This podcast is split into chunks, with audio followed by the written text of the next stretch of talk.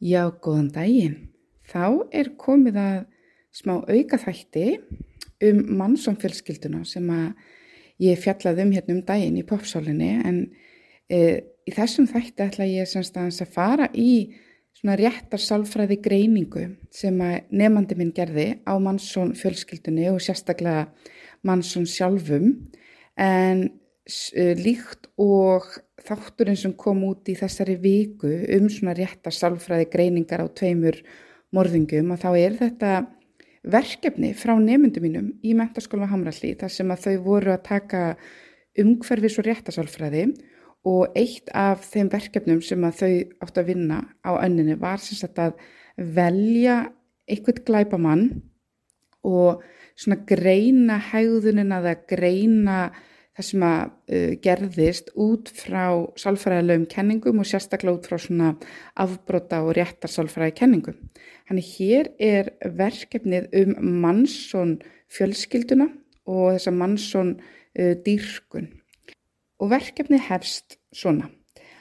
Bandaríkjamaðurinn Charles Manson var leiðtóið sértrúasafnaðar en fylgjendur hans frömdu umtöluð morð á sjönda áratögnum sem leiti til þess að Mansson fekk lífstíðar fangelsi.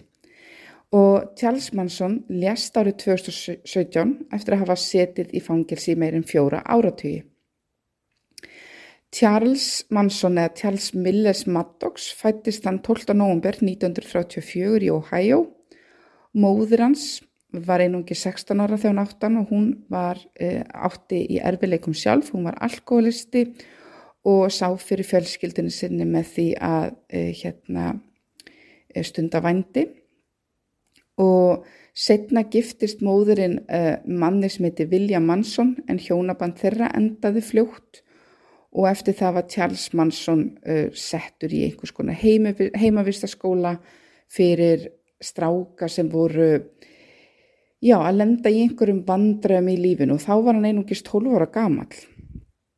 Eh, hann var svona inn og út úr einhverjum heimivistaskólum og vandræða heimilum fyrir stráka, fekk svona einstakar sinnum að, að hitta fólki sitt.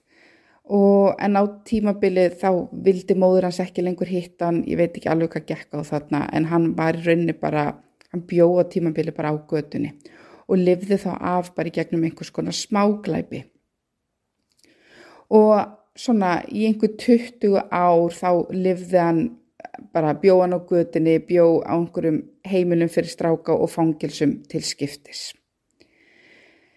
En mannsson fjölskyldan sem að ég sagði nú í þættinum um mannsson fjölskylduna að byrjaði svolítið að myndast sko að hluta til þegar hann satt inn í fangilsi en, en held síðan áfram að, að styrkjast þegar hann var frálsmaður en Mansson fjölskylda, eða þessi svo kallar fjölskylda var sérstaklega hópur sem saman stóð af cirka 100 fylgjendu Manssons.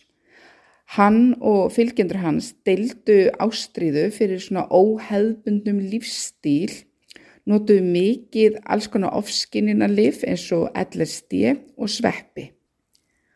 Og Mansson fjölskyldan, hún var staðsett í San Francisco en flutti sér síðan að lokum á Eyðibíli í San Fernandi dalnum.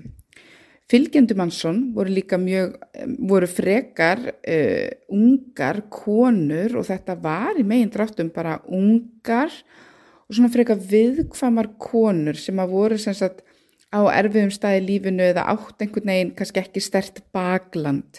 Oft stelpur sem að voru líka í neyslu og jafnvel heimilislausar ungar konur. En fylgjendur hans fóru að trúa uh, svona fullirðingum mannsons um að hans sjálfur væri Jésu Kristur og þau fóru að trúa spádóm hans um einhvers konar komandi kynþáttastríð.